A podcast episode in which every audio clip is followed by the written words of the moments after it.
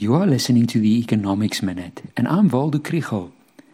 I don't know for sure, but I think the Minister of Finance or someone on his team is listening to the Economics Minute because yesterday he said all the right things.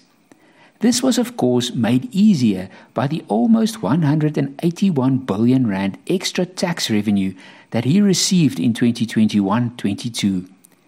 This gave him leeway to use some of it to pay for extra expenses and to use the rest to reduce the borrowing requirement.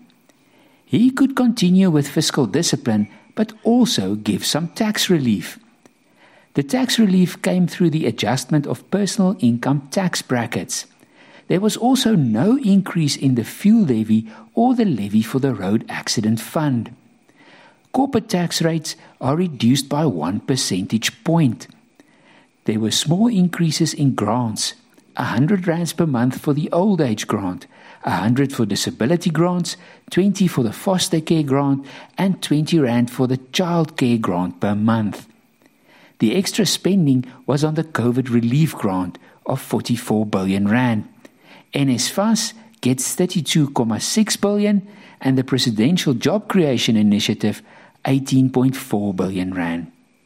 There was no extra money for the state owned enterprises. That's the tough love, except for Eskom.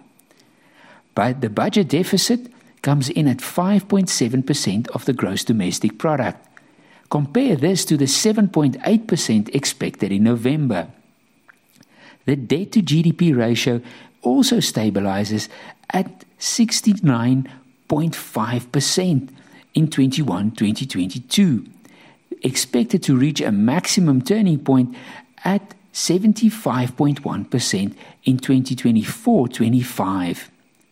This was a good day for the minister.